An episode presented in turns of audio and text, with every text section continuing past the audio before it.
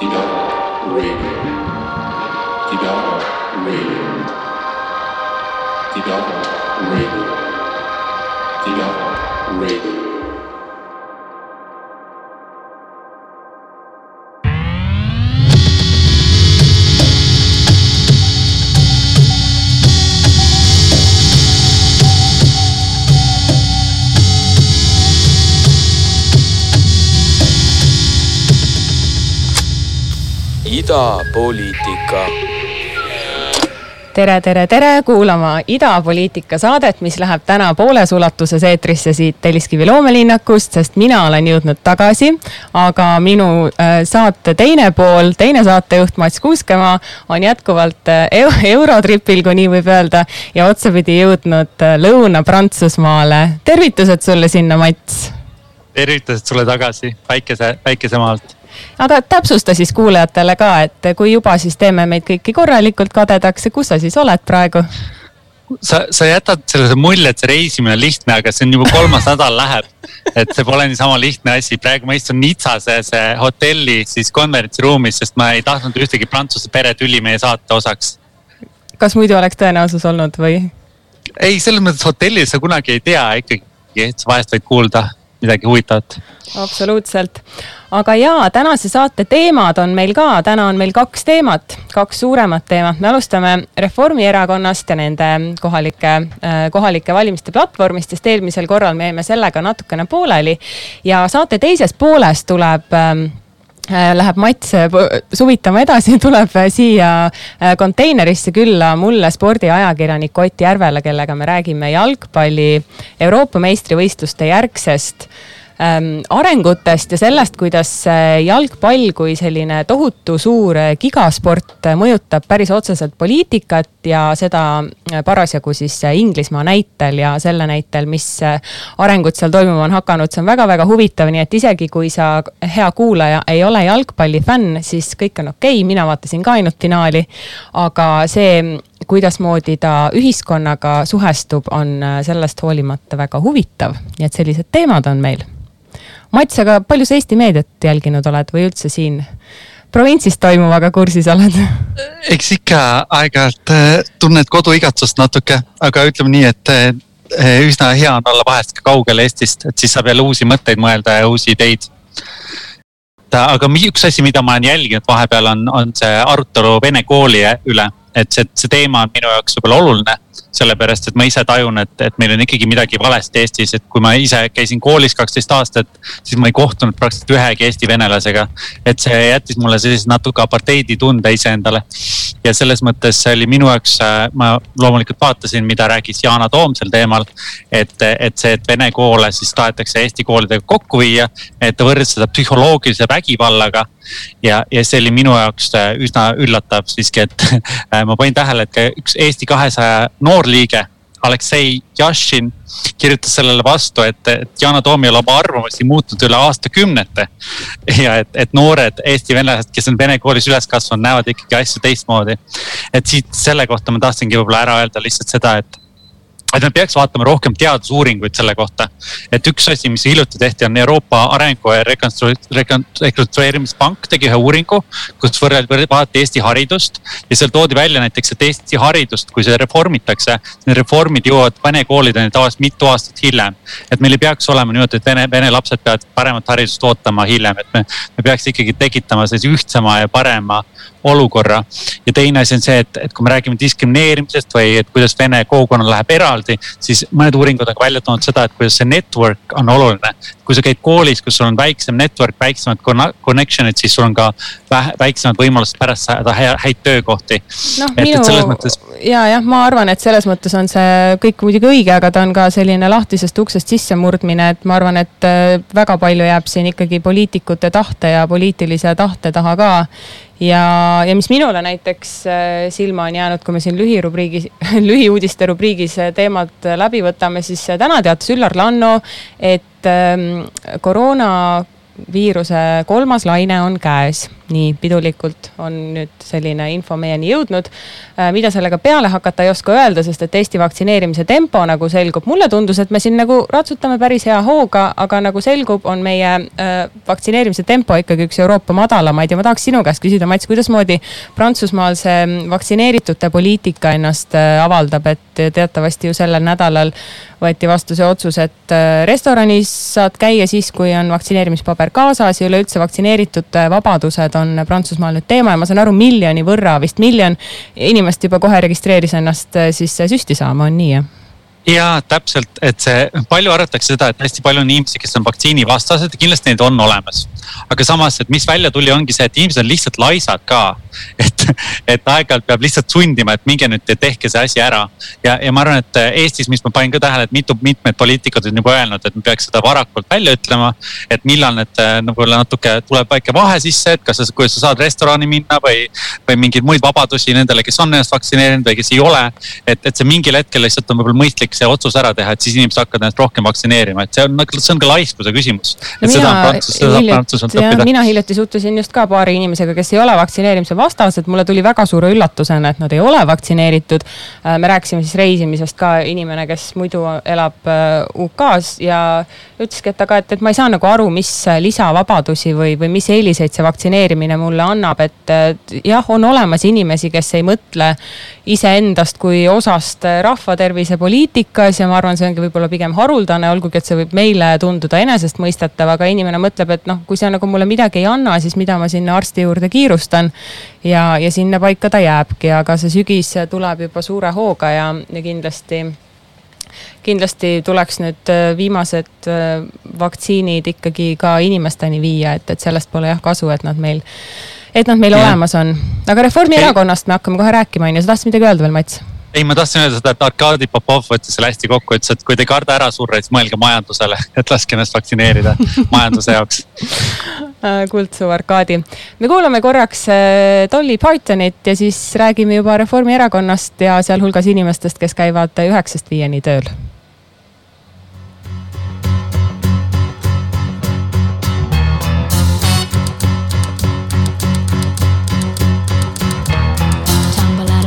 I stumble to the kitchen, pour myself a cup of ambition and yawn and stretch and try to come to life.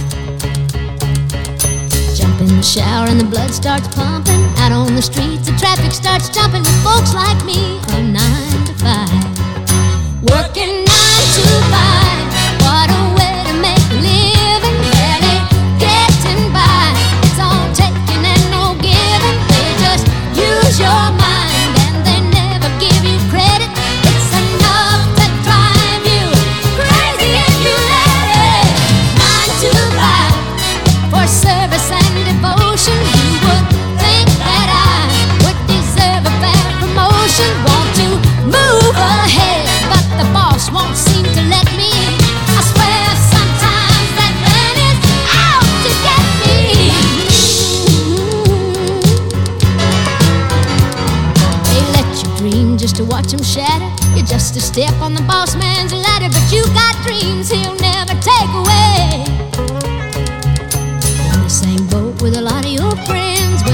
day your ship will come in and the tide's gonna turn and it's all gonna roll your way. Working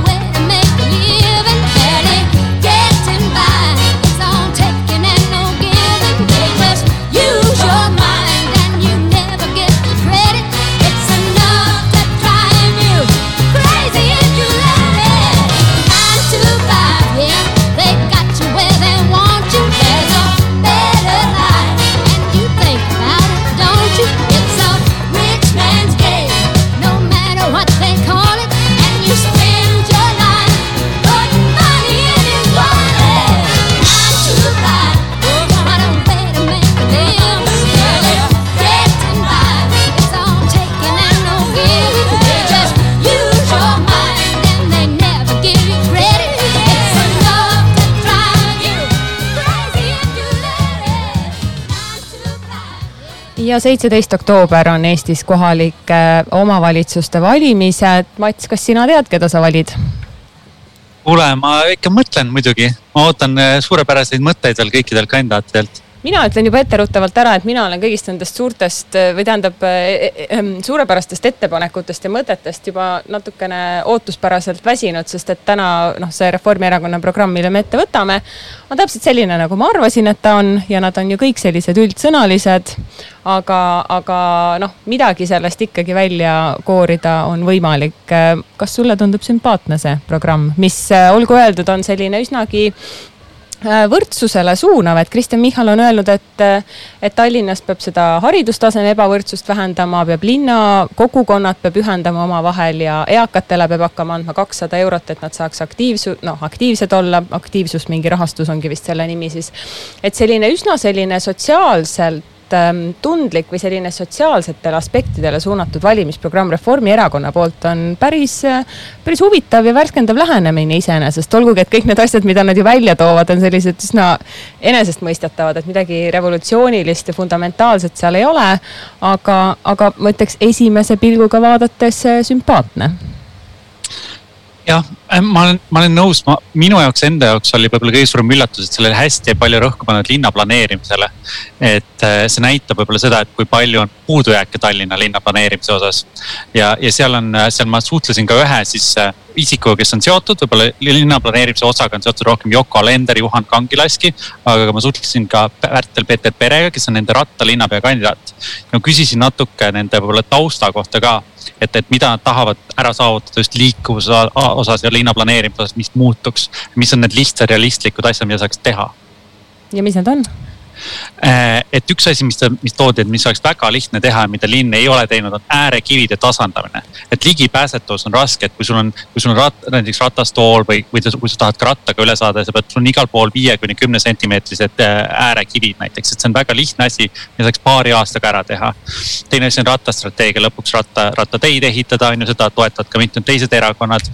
ja, ja see kolmas on see kontsept, nii-öelda see mõte, et viieteistkümne minutiline linn et mida nad on juba teisest, teist korda räägivad selles programmis. see tähendab seda, et põhiteenused on igalt poolt kättesaadavad ja planeeritakse seda, et, et kõikidel on ühistransport näiteks lähedal, kodu lähedal.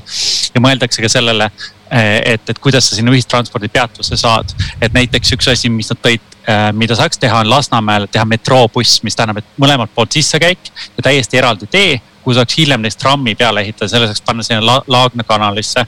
ja panna näiteks ka näiteks väikesed Bolti need äh, mootorsõidukid kusagil inimeste kodude lähedal, nad saaksid kergemini minna bussipeatusse.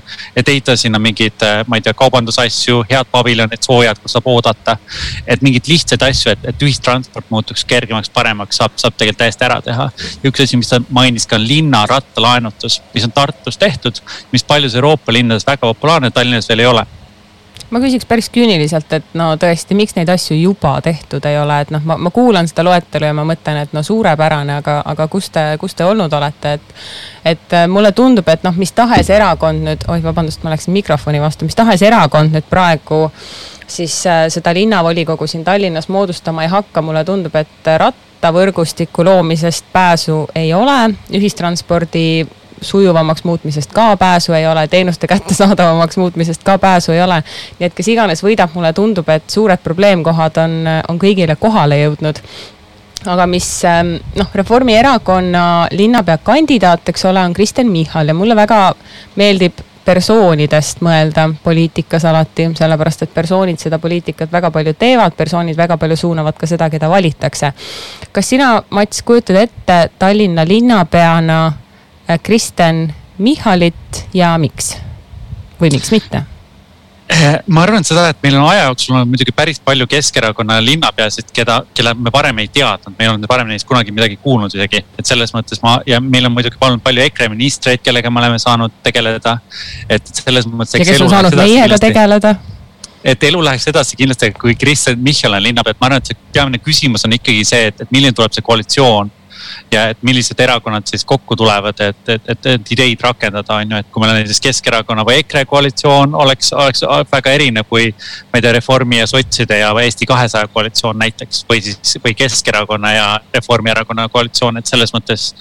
ma arvan, et see on, see on selles mõttes kõige olulisem, võib-olla isegi olulisem kui see, kes, kes konkreetselt on linnapea jah, ja muidugi ühtegi väga konkreetset ähm, rohepoliitilist plaani ma Reformierakonna platvormis ei näinud, ma saan aru, et see ühistranspordi sujuvamaks tegemine justkui peaks nagu soodustama seda, et me autodega enam nii palju ei sõida, aga sa ju ise tõid ka välja, et Tallinnas on äh, täna siis tuhande elaniku kohta on nelisada viiskümmend autot, Helsingis on see kolmsada viiskümmend ja vähenemas. et äh, kui keegi sellega jõuliselt ei tegele Tallinnas, mis on lihtsalt nii perversselt autostunud linn, et ma olen siin äh, tagasi olles nüüd äh, taaskord jälle Tallinna vahet jooksmas käinud ja ma väga aktiivselt äh, žestikuleerin autojuhtidele alati, sest nad annavad selleks alati põhjust. ja mul on ja, ja see on täpselt see, et kui keegi seda äh, autostumise sellist nagu gängsterlust ette ei võta poliitiliselt, siis öelda lihtsalt, et sõitke Bolti tõuksiga, me ei jõua sellega kuhugi jah, üks asi, mis mulle seal programmis väga meeldis, oligi üks tsitaat, et auto või teise auto omamine on mõeldud, mõeldud siin perekonda ilmselt. on nüüdsest igaühe vaba valik, see pole enam halvalt linna planeerimise peale sunnitud kulu mis sööb kuni kolmkümmend protsenti pere eelarvest. säästetud rahale leiab kasutuse igaüks. on ju, et ma mäletan väga hästi, kui Reformierakond on ju üheksakümnendate lõpus, kahe tuhandete alguses rääkis, kuidas aut-, kõik peavad autoga sõitma. et, et selles mõttes siin on mingisugune areng, on ju, et kui me räägime näiteks Isamaast ja perekonnapoliitikast, siis nad räägivad ikkagi noh, sama juttu, kui on aasta tuhat üheksasada üheksakümmend kaks on ju näiteks. et, et Reformierakond suuteline selles, selles valdkonnas vähemasti arenevad, see on positiivne. aga kui me räägime linna juhtimisest, siis on kindlasti see probleem ka see, et ma arvan, et inimeste vanus osaliselt meil on väga palju teede, teedeinsenere linnavalitsuses, eriti transpordiametis äh, ja kommunaalametis, kes nagu juhivad seda linna ja linna planeerimist, et ehitame teid juurde. ja nad põhimõtteliselt valmistuvad sellele, et igaüks on, ühel on auto. ja noh, sisulised asjad on ka see, et näiteks kui on uued kortermajad ja nõutakse, et kõik peavad endale üks koma viis parkimiskohta ehitama sinna, siis noh, meie maksame seda kinni, on ju, kes me seal majades hiljem elame. et seal on hästi palju nagu sisulisi asju, et, et selles mõttes see Pärtel Peeter, kellega ma rääkisin täna, kes on siis nende rattalinnapea kandidaat, ütles mulle ka seda, et et autostumine on disaini küsimus. kui sa disainid lõputult teid, siis tuleb lõputult autosid. aga kui sa ehitad linna, kus on inimestel igalühel vabadus on ju liikuda, kuidas nad soovivad, siis nad saavad seda ka ise otsustada, kuidas nad soovivad liikuda. et selles mõttes see on hästi oluline, igatahes valdkond äh,, linna planeerimine, tore, et Reformierakond on sinna palju rõhku pannud. No, et loodame, et mõned ja tõsi on ka see, et Reformierakonna nägu nendel kohalikel valimistel kujundab väga palju ka see, et nad on nüüd praegu olnud ähm, siis valitsuses, suurem partei, Kaja Kallase juhitud valitsus on, on Eestis nüüd mõnda aega juba olnud ja, ja noh, midagi pole teha, peaministri erakond ja peaminister ise oma isikuna ka väga palju oma erakonna mm, sellist mainet ja, ja vastuvõttu mõjutab ja nagu me oleme nüüd korduvalt saanud tõdeda erakonna populaarsusreitinguid vaadates, siis Eestis ei, Eestis on möödas see aeg, kus meil oli kaks suurt erakonda. Eestis on nüüd ikkagi kolm suurt erakonda, need on Reformierakond, Keskerakond ja EKRE. ja, ja, ja Kaja Kallase selline nii-öelda tema peaministriks olemine on noh, kindlasti värskendavam ja julgustavam kui, kui eelmine koalitsioon, ma julgen öelda ja julgen arvata, et ma räägin paljude eest. aga Kaja Kallas ikkagi peaministrina ja oma erakonna näona on äh, väga paljudes et, noh, sellistes nagu esinemistes ja, ja sõnavõttudes, tal ei ole mitte mingit põhjust olla niivõrd ebakindel, nagu ta on ta ei jäta võrreldes Jüri Ratasega sellist äh, usutavat muljet inimesele, kes äh, sageli ei kuula, mida poliitik räägib, vaid kes ainult vaatab seda, kuidas poliitik mõjub.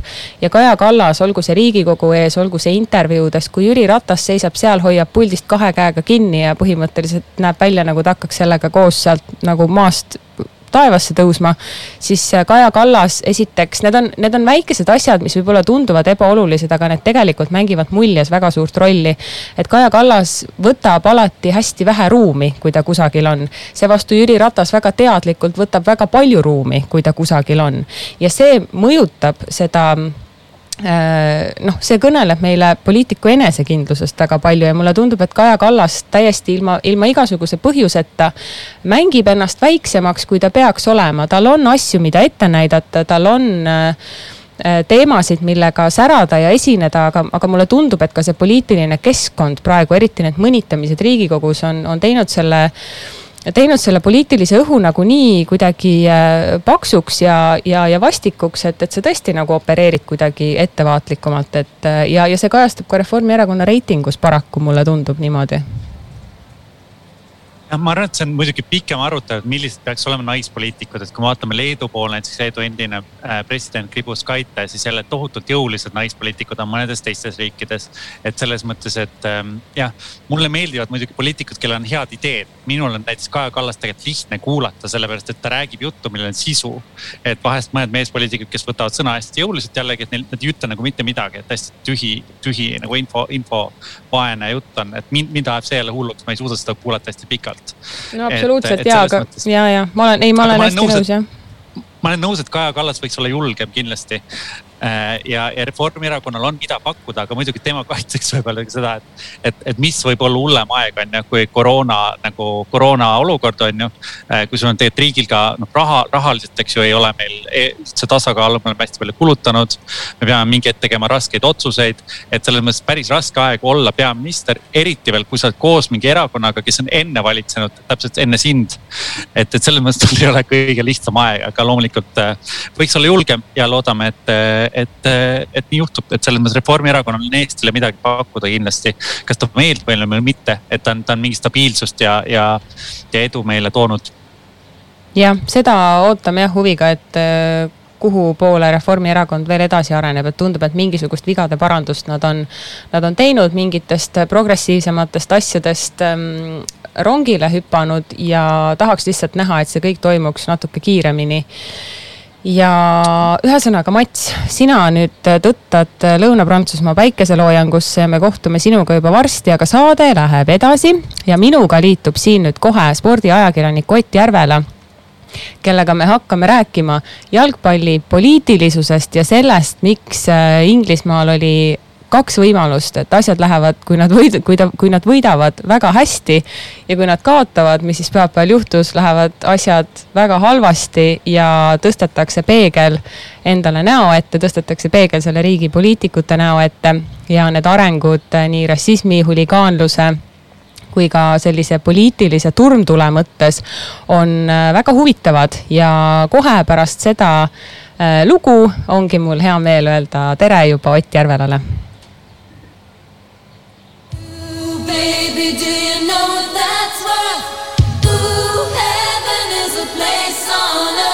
They say.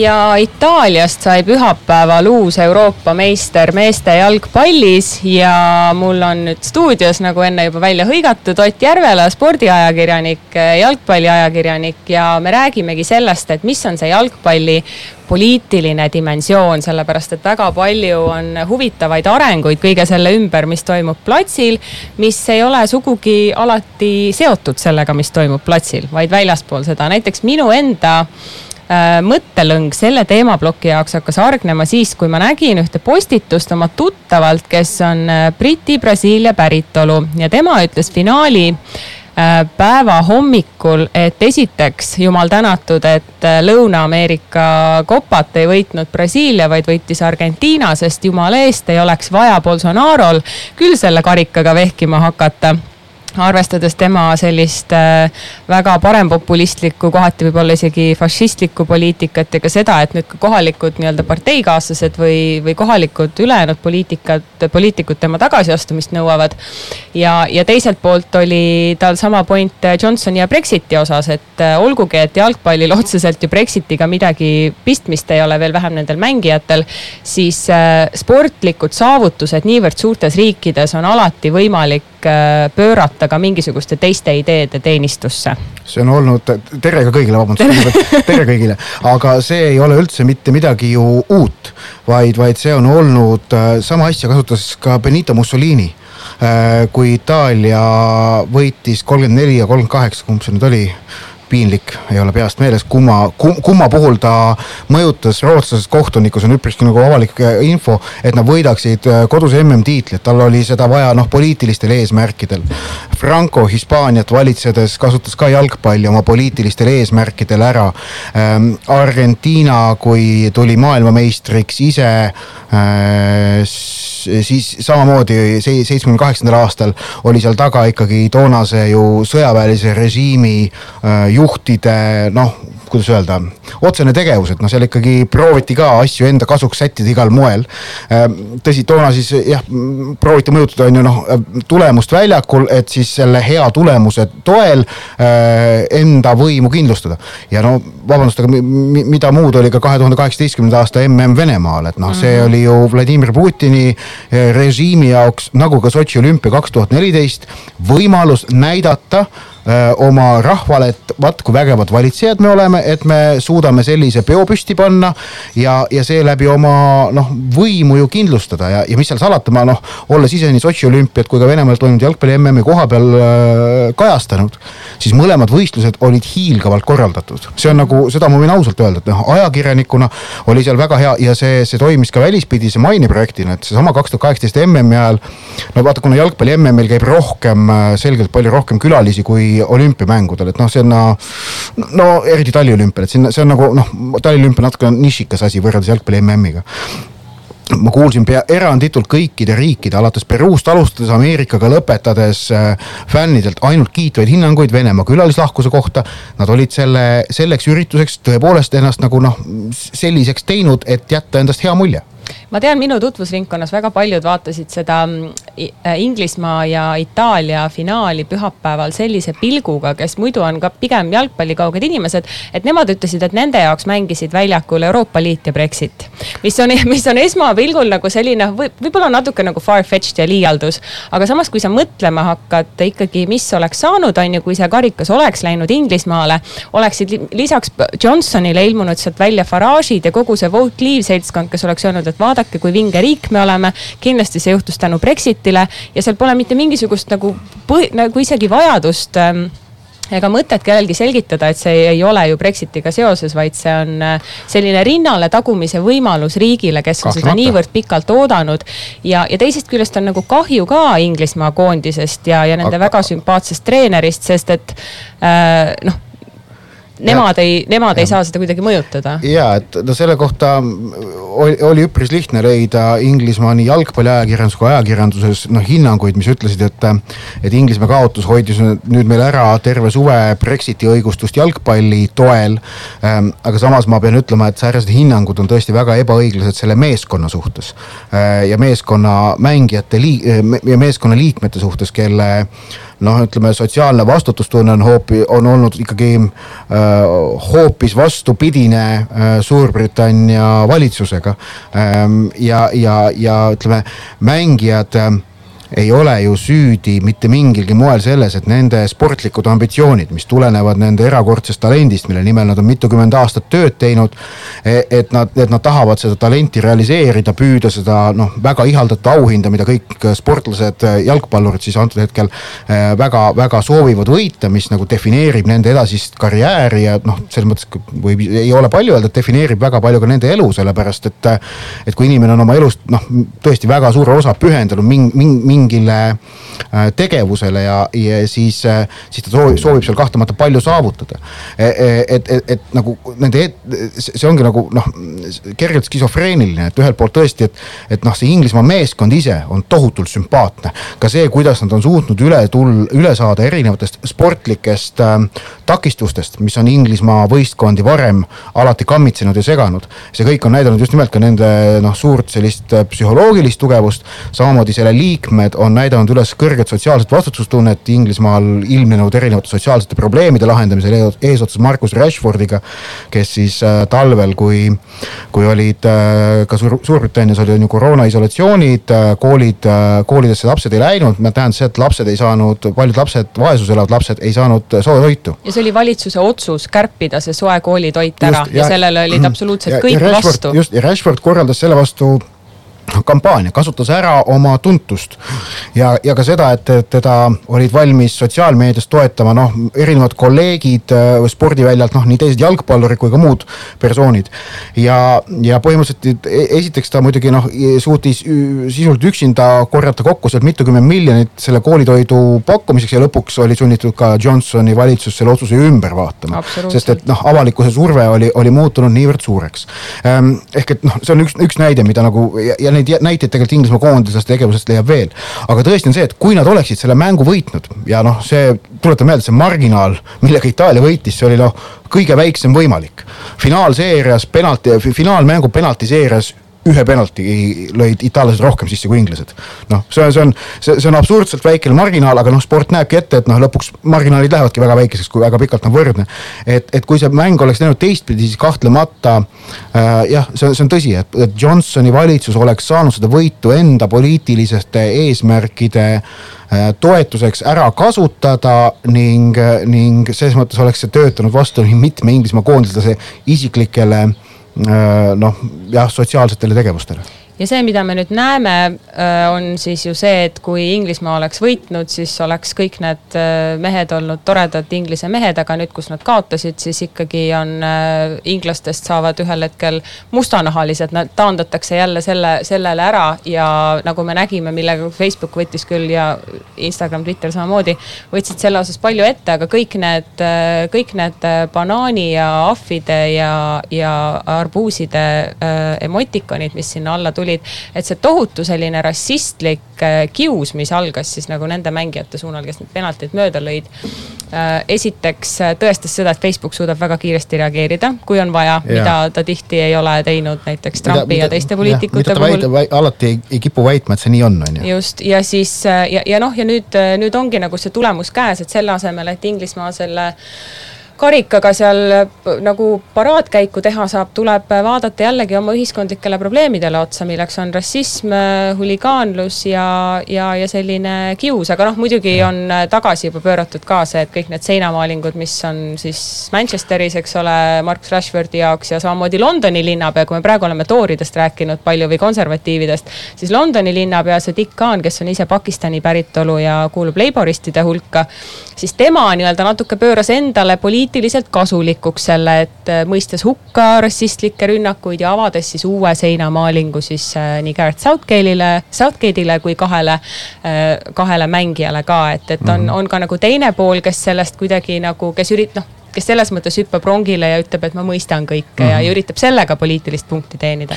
ja mul, ma lihtsalt ütlen, kolleeg Indrek Lepik Eesti Ekspressis pani hiilgava pealkirja minu meelest Inglismaa sümpaatse koondise tagant paistavad etnonatsionalismi jäledad kõrvad, et noh, väga hea pealkiri mm, -hmm. ausalt väga hea pealkiri. et äh, aga, aga noh jällegi et see, et äh, spordivõistlusi või ka jalgpallivõistlusi ja, ja kuna jalgpall on noh mina ütlen, et jalgpall on, on eraldi nagu kultuurinähtus või, või üks, üks väheseid kultuurinähtusi, mis suudab, äh, mis suudab nagu maailma väga erinevaid äh, piirkondi ühendada, sellepärast et see noh. kultuurikood, milles nagu jalgpall toimib, on siiski nagu kõikjal. mingi osa sellest on täpselt üheselt mõistetav, sest mäng ise on samasugune. tõsi, seal sellega kaasnevad noh, erinevad noh, hoovused on igal pool on erinevad. et, et jalgpall on nagu väga võimas vahend, millega, mille abil oma sõnumit äh, kas siis noh võimendada või, või levitada aga seda kasutavad ära kõik, et mitte ainult nagu, mitte ainult nagu pahad, vaid ka head, on ju, kui, kui me, kui me tahame hakata jagada, jagama pahadeks ja headeks. aga, aga see rassism jah, mis sealt ähm, välja tuli, et äh, sellega on sellega, vaata kunagi ei tea tegelikult täpselt, et kas see on nüüd äh, kuivõrd äh, ma, ma, ma, ma julgen arvata, et see on vähemus, kes sellega tegeleb. Äh, äh, äkki tahaks loota, et see on päris väikene vähemus, aga häälekas vähemus, aga kunagi täpselt ei tea, et kus see noh, see kõik on väga hägune, see toimub ju noh, põhimõtteliselt nagu salaja. et, et kes nagu on säärased ja kes mitte, et ka, ka, ka need tuhanded ja nüüd on juba selge, et tegelikult tuhanded piletita pealtvaatajad, kes sinna Wembley'le tungisid.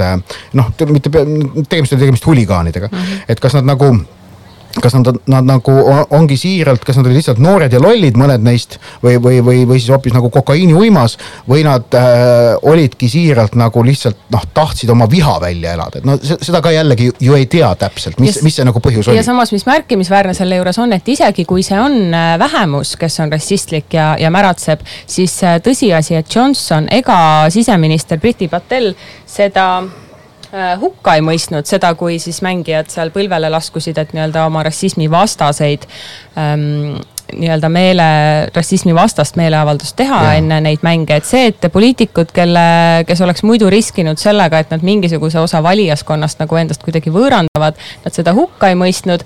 see jällegi mängib praegu Johnsoni kahjuks ja me kuulame praegu siia vahele ühte lühikest klippi sellest, kuidas üks äh, Briti tuntumaid ja suurima jälgijaskonnaga koomikuid, äh, Jonathan Pye, otseselt äh, Boris Johnsoni käitumist kritiseerib ja tal on selline huvitav kombinatsioon sellest, et ta ühtviisi kehastub nagu poliitkommentaatoriks, aga, aga teise poole jalaga on ta ikkagi ka nagu koomik.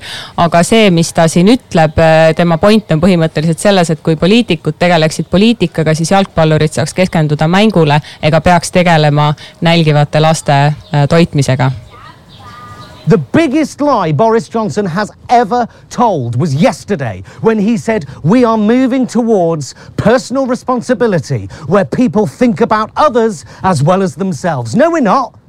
No, we're not. This is the same man who happily condoned people booing players taking the knee. You know, we're, we're, we're committed to tackling racism, to just leave it up to us privately educated white millionaires and you concentrate on your penalties rather than the politics. Okay. Maybe if the politicians concentrated on the politics, you know, running the country, feeding hungry children, following the science, then these young boys could concentrate on the football. Basically we lost the Euros yeah. because of the Tories. no see on ju, eks harva on näha olnud, et mõned tippsportlased niivõrd otseselt poliitikutele vastu astuvad, kui nüüd tegi üks Inglismaa koondise keskkaitsja, Tyrone Mings. tõsi, ta ei olnud küll nende, ta ei olnud, ta, ta oli pigem nagu vahetusmees sellel EM-il, aga ta noh, selgelt nagu koondise liige. ja siis, kui Briti Patel, seesama siseminister oli, oli vist Twitteris, ma loen nüüd ette, otsisin ülesse siin just mm. -hmm. I am disgusted that England players who have given so much for our country this summer have been subject to vile racist abuse on social media. It has no place in our country and I back the police to hold those responsible accountable. see oli siseminister mm. -hmm. mille peale Inglismaa koondise keskkaitsja Tyrone Mings Twitteris noh tsiteerib on ju, võtab selle Patelli säutsu nagu sinna enda säutsu kõrvale ja teatab. You don't get to stoke the fire at the beginning of the tournament by labeling our anti-racism message as gesture politics and then pretend to be disgusted when the very thing we're campaigning against happens mm. -hmm. see on nagu väga jõuline, äh, et mingis niimoodi välja tuli ja see noh ma, ma olen jälginud Inglismaa jalgpalliajakirjandust ikka nüüd juba üle paarikümne aasta äh, puhtalt noh, seoses oma tööga, sest mind väga huvitab. Ehm, ja, ja see nagu jahmatas seal ka päris paljusid minu meelest jalgpalliajakirjandus, aga jahmatas nagu heas mõttes, et, et äh, pagan, et näe, võttiski säärase, et niivõrd otseselt nagu läks, läks, läks, läks, läks konflikti. ja, ja, ja no ütleme nii, et ega seal pole nagu olnud, on ju neil Patelil võimalik midagi vastata, aga samas on selge ka see, et, et noh, toorid, miks toorid nagu, tooride juhtivad poliitikud võtsid sellise hoiaku, nagu nad võtsid, miks nad keeldusid hukka mõistmast pealtvaatajaid, kes rassismi vastu põlvili laskunud mängijatele vilistasid, sellepärast nad oleksid muidugi enda valija baasi ju sellega kahjustanud, et noh, seda nagu poliitik ei tee reeglina, sest et noh, tal on vaja hääli saada noh, aga see kõik ongi märk ju tegelikult sellest äh, Suurbritannia ühiskonnast, mis on üpris, üpris rebenenud äh,. millest mul on isiklikult äh, tohutult kahju. ja, ja kahju on minul näiteks põhjusel, et minu üks ideaalsemaid puhkuse variante on see, et ma sõidan üksinda Inglismaale ja käin ja vaatan seal madalamate liigade jalgpallikohtumisi, mitte siis tingimata Premier League'is, kus meil on noh, kuulsad glamuursed klubid, vaid ma käin seal sellistes kohtades nagu, nagu Rotherham või, või Preston või kus ma veel olen käinud seal, ma olen käinud Tranmere Rovers Roversit vaatamas näiteks ja no ja see on, see on minu jaoks kui jalgpalli sellise noh, friigi jaoks on see noh täielik gurmee. sellepärast, et see jalgpall, mida mängitakse seal madalamates liigades, see on selline oluliselt ehedam võrreldes Premier League'iga. seal ma näen nagu päris inglast seda päris Inglise jalgpallifänni, kes reeglina tegelikult on väga selline sõbralik ja vahva sell.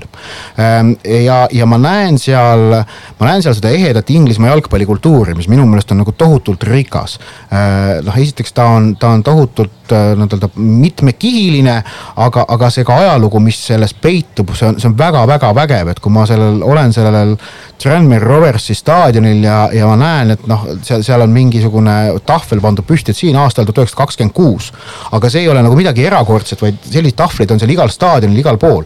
või need kõrtsid, pubid, mis on seal staadionite ümbruses, äh, kus on noh, selle klubi toetajad kogunenud aastakümneid ja see folkloor, mida ma näen nende pubide seintel asuvas äh,, asuvates erinevates noh, mingites tahvlites või, või nännides või, või särkides. no see kõik on tegelikult noh, nii vägev, et minu jaoks on see nagu väga ilusad jalgpallilood. ehk et tegelikult inglastel on seda väga ilusat jalgpallikultuuri tohutult palju, aga nad äh, praegu on noh, selle, selle EM-i nüüd selle finaalmänguga just nimelt nad suutsid kogu selle no hea tahte, mis nende suhtes oli tegelikult ka tekkinud, kahjuks ära lörtsida ja lörtsida seda ilma, et nagu koondis ise selleks mitte mingilgi moel oleks, oleks nagu süüdi olnud. ja, ja samamoodi see, et, et see, need, need, need piirid seal, et jah, et, et, et noh, seda rebenenud ühiskonda ma ütlen ka, et kui ma nendes Inglismaa nendes noh, väikelinnades käin, ju näeb väga selgelt, et noh, et noh, Preston, see on nagu Liverpoolist tund aega rongiga põhja poole sõita.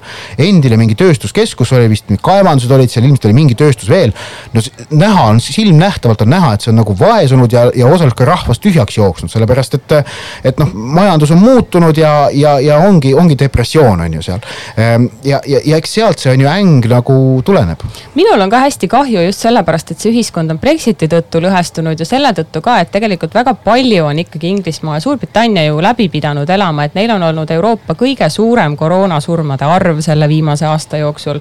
tohutult äh, toksiline sisepoliitika, Brexit sinna otsa, pidagem meeles, et pool elanikkonnast ikkagi selle poolt ju ei olnud et, et selles mõttes oleks ta muidugi väärinud seda võitu, kuna seda võitu pole neile EM-il ka kunagi tulnud, on ju. ma sellega ei ole nõus, et oleks väärinud, vääris see, kes võitis. või noh, väärinud, ütleme selles mõttes mina, mina ei ütle seda ja. kui nagu spordi, spordiinimene, et mina ütlen seda puhtalt nagu selle ühiskonna peale mõeldes, et seal muidugi vist oli jah, juba mingi madin teemal, kas nad üldse Taanit oleks pidanud võitma, on ju. ei, seal nagu jällegi noh, jah, pidid küll, nad olid Taanist selgelt paremad, sellepärast nad võitsidki, ma seal nagu jah, kui spordist hakkab rääkima, siis on nagu seal, seal läks asi väga päris lihtsalt. ütleme nii, et see oleks olnud tore kingitus, oleks see võit neile olnud olnud, aga. kindlasti see oleks olnud nende jaoks väga-väga oodatud ja, ja sellel noh, me rääkisime, et sellel oleks olnud nagu negatiivne kaasmõju noh, sellele seoses ütleme hetke poliitilise olukorraga. samas kahtlemata ma arvan, selleks olnud noh, ei, ei oska võrrelda, aga, aga ikkagi ka väga suur positiivne mõju seoses nagu jalgpallikultuuriga, ma arvan, et see oleks, see oleks ähm, andnud Inglismaale äkki sellise uue tõuke enda, enda ka jalgpallikultuuri üle uhke olla, mis, mis oleks noh, ma arvan, olnud hea. aga, aga nüüd nad peavad seda nagu noh, seda, seda allikat edasi otsima. miks Eestis äh, sportlased ei tee sellist, äh, ma nüüd ironiseerivalt ütlen Briti Patelli sõnadega, äh, žestipoliitikat? Ma arvan, et Eestis on päris vähe sportlasi, kelle kelle sõna maksab sama palju kui Inglismaa jalgpallikoondis oma maksab Inglismaal. Inglased on, inglased on ikkagi täiesti spordihull rahvas, see, seda tuleb nagu noh, tunnistada, et neil on, neil on noh, kihla vedamine on neil nagu see number üks on ju hobi. ja siis noh, sport tuleb kohe selle järel, sest selleks, et kihla vedada, on sporti vaja mm. -hmm. et, et, et noh, seal, seal nagu on tippsportlased on tohutult autoriteetsed ikkagi ühiskonna liikmed. noh, siis on veel see, mis asi, mida Eestis ka meil tegelikult väga ei ole, aga mis Inglismaal ju on, on see, see celebrity kultuur mm. -hmm. ja, ja sporditähed kahtlemata on ka need celebrity'd. et, et meil nagu selles mõttes noh, enamik meie tipp tippsporditähti, sa võid siin kohata poes ja noh, see sul ei teki selle peale tahtmist talle tingimata teda pildistada, filmida, see sotsiaalmeediasse üles riputada, mis Inglismaal juhtub. Äh, ehk et, aga põhjus on ka see, et meie sport, tähendab, meie sport ei kõneta ühiskonda niivõrd palju ja meie ühiskond ei võta seda sporti, tippsporti, ma arvan, niivõrd tõsiselt. et noh, meil on vast mõned üksikud, kes, kes saavad nagu sõna võtta, kes on, kes, kes kes on ka võtnud ja on, on, on selle peal teemal ju noh, olnud ka mõjusid, et noh, kui Kelly Sildaru võttis, võttis sõna siin äh, selle noh, pärast seda vaata, kui Fredo Getuli Aurelia, see brasiiliasest jalgpallitreeneri mm, ahistamis või noh, mis ahistamis, seksuaalse väärkäi-, käi-, kohtlemisjuhtum avalikuks tuli mm. -hmm. et ta võttis, Kelly Sildaru võttis sel teemal ju sõna, ma arvan, et see oli üks selline noh sekkumine, sotsiaal, sotsiaalselt vastutustundlik sekkumine on ju ja, ja, ja see pälvis palju tähelepanu ja onu Heinod olid väga närvis, eks ole äh,. Äh, aga, aga noh, näiteks äh, palju meil oleks nagu muid sportlasi, kes nagu saaksid sõna võtta, et noh, et noh, Ott Tänak kahtlemata oleks äh,. ja ma arvan, et noh, Ott Tänakul oleks võimalik näiteks näiteks liiklusohutuse teemal tahaks loota, äkki tal oleks võimalik seda valdkonda mõjutada. noh samas ei saa talt seda nõuda. ja ma jällegi, ma, ma jällegi, siis on oluline ka see, et, et ähm, sportlastelt ei saa nõuda, et nad seda teeksid, nad võivad seda kõike teha, aga, aga see, et, et noh, et äh, öelda, et öelda, öelda sportlasele, et miks, miks sa ei tegele selle oma hiilgava karjääri kõrvalt poliitikaga, et noh, seda ei, see ei ole aus neilt nõuda, et kui, kui nad tahavad, nad võivad, aga ei pea. absoluutselt ja ka ühiskond on ka selles mõttes teine, et Inglismaal on neid kontraste sedavõrd palju rohkem ja, ja noorte positsioon ja noorte teadlikkus oma nii-öelda poliitilisest paiknemisest on, on hoopis teine Eestis võrreldes Inglismaaga, et näiteks Briti vasakpoolne meedia kirjutab väga konkreetset arvamuslugudest praegu sellest, et need noored Inglise koondise mängijad on selline suurepärane esindus sellest, kus äh, noored Inglismaal praegu finantsiliselt äh, ja võimaluste poolest on. see kahtlemata ei kehti nende mängijate kohta, kelle pangakontodel, ma arvan, mingit probleemi ei ole, aga nad mäletavad, kust nad tulnud on. sest enam, nad on väga tihti ikkagi e- sellisest sotsiaalsest kallureid on, on, on ikkagi jah tagasihoidlikest, äh, tagasihoidlikest oludest tulnud,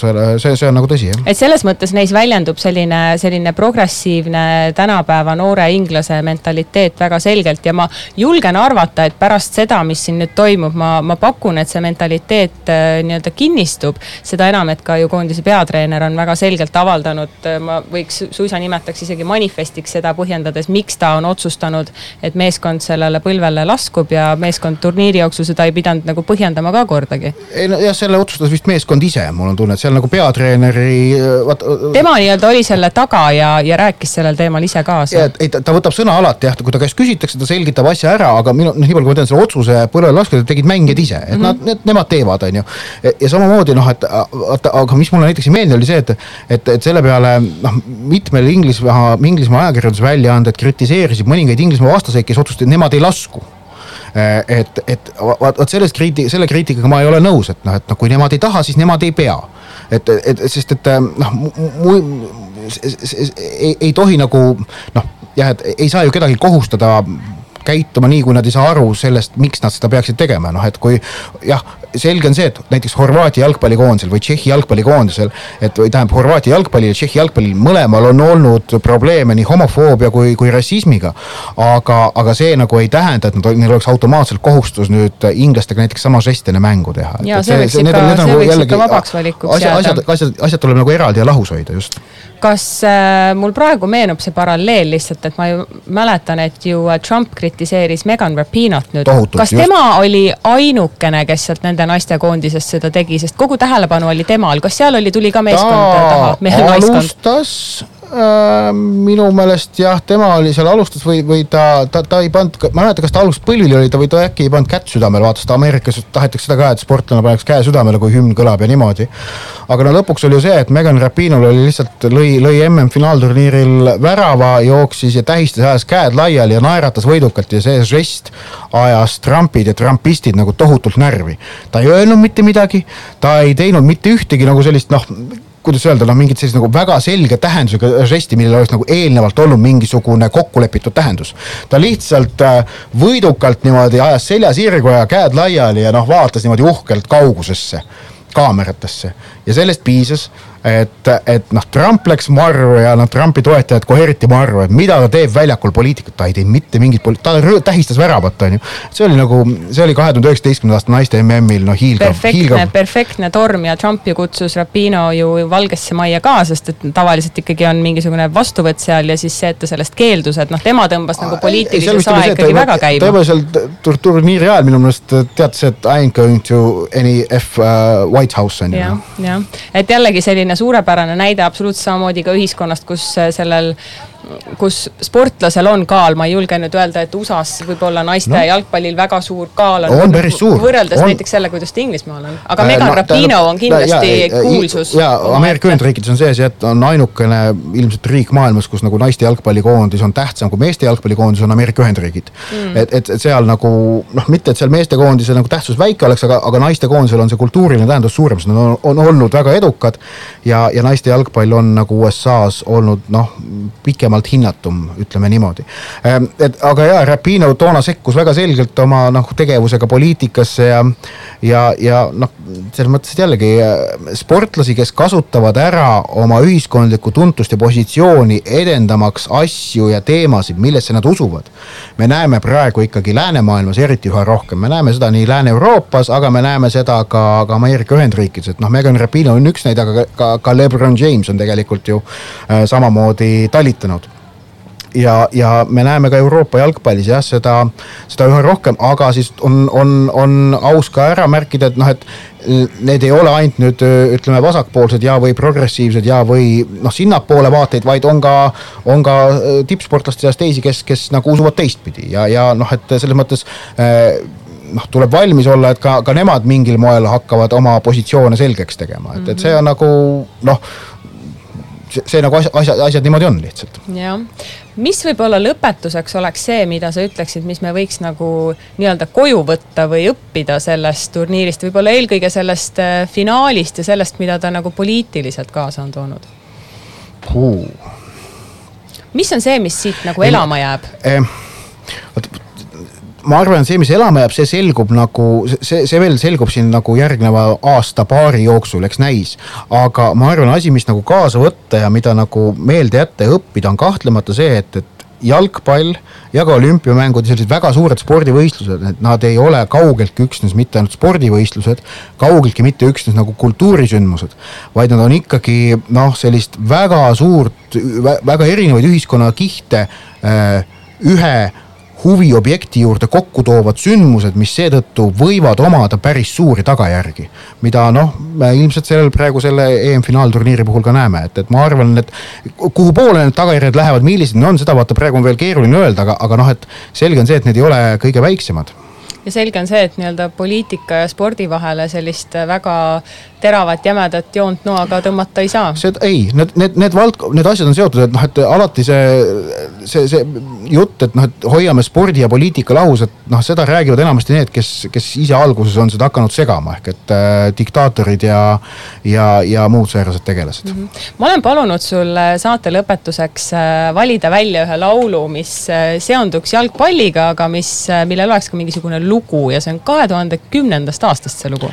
ja see see on, äh, kui sa mulle kirjutasid, et, et noh, et mis, mis laulu paneme, siis ma mõtlesin, mul oli erinevaid variante, aga lõpuks äh, tõesti valisin välja Shakira Waka Waka.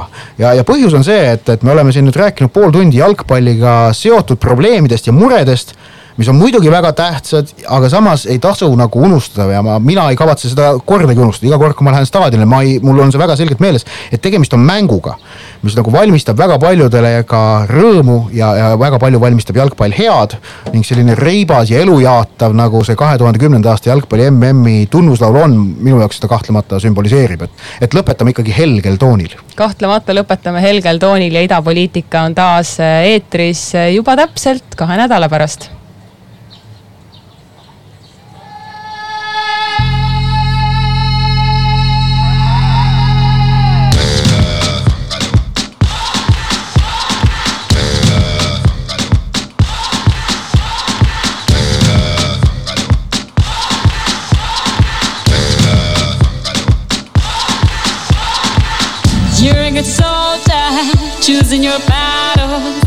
yourself up and dust yourself off and back in the saddle. You're on the front line, everyone's watching. You know it's serious, we're getting closer, this isn't over. The pressure's on, you feel it, but you got it all. Believe it when you fall, get up, oh, oh, and if you fall, get up, eh, eh. Tamina, mina, sangalewa, cause this is Africa. Tamina, mina, eh, eh. This time for Africa.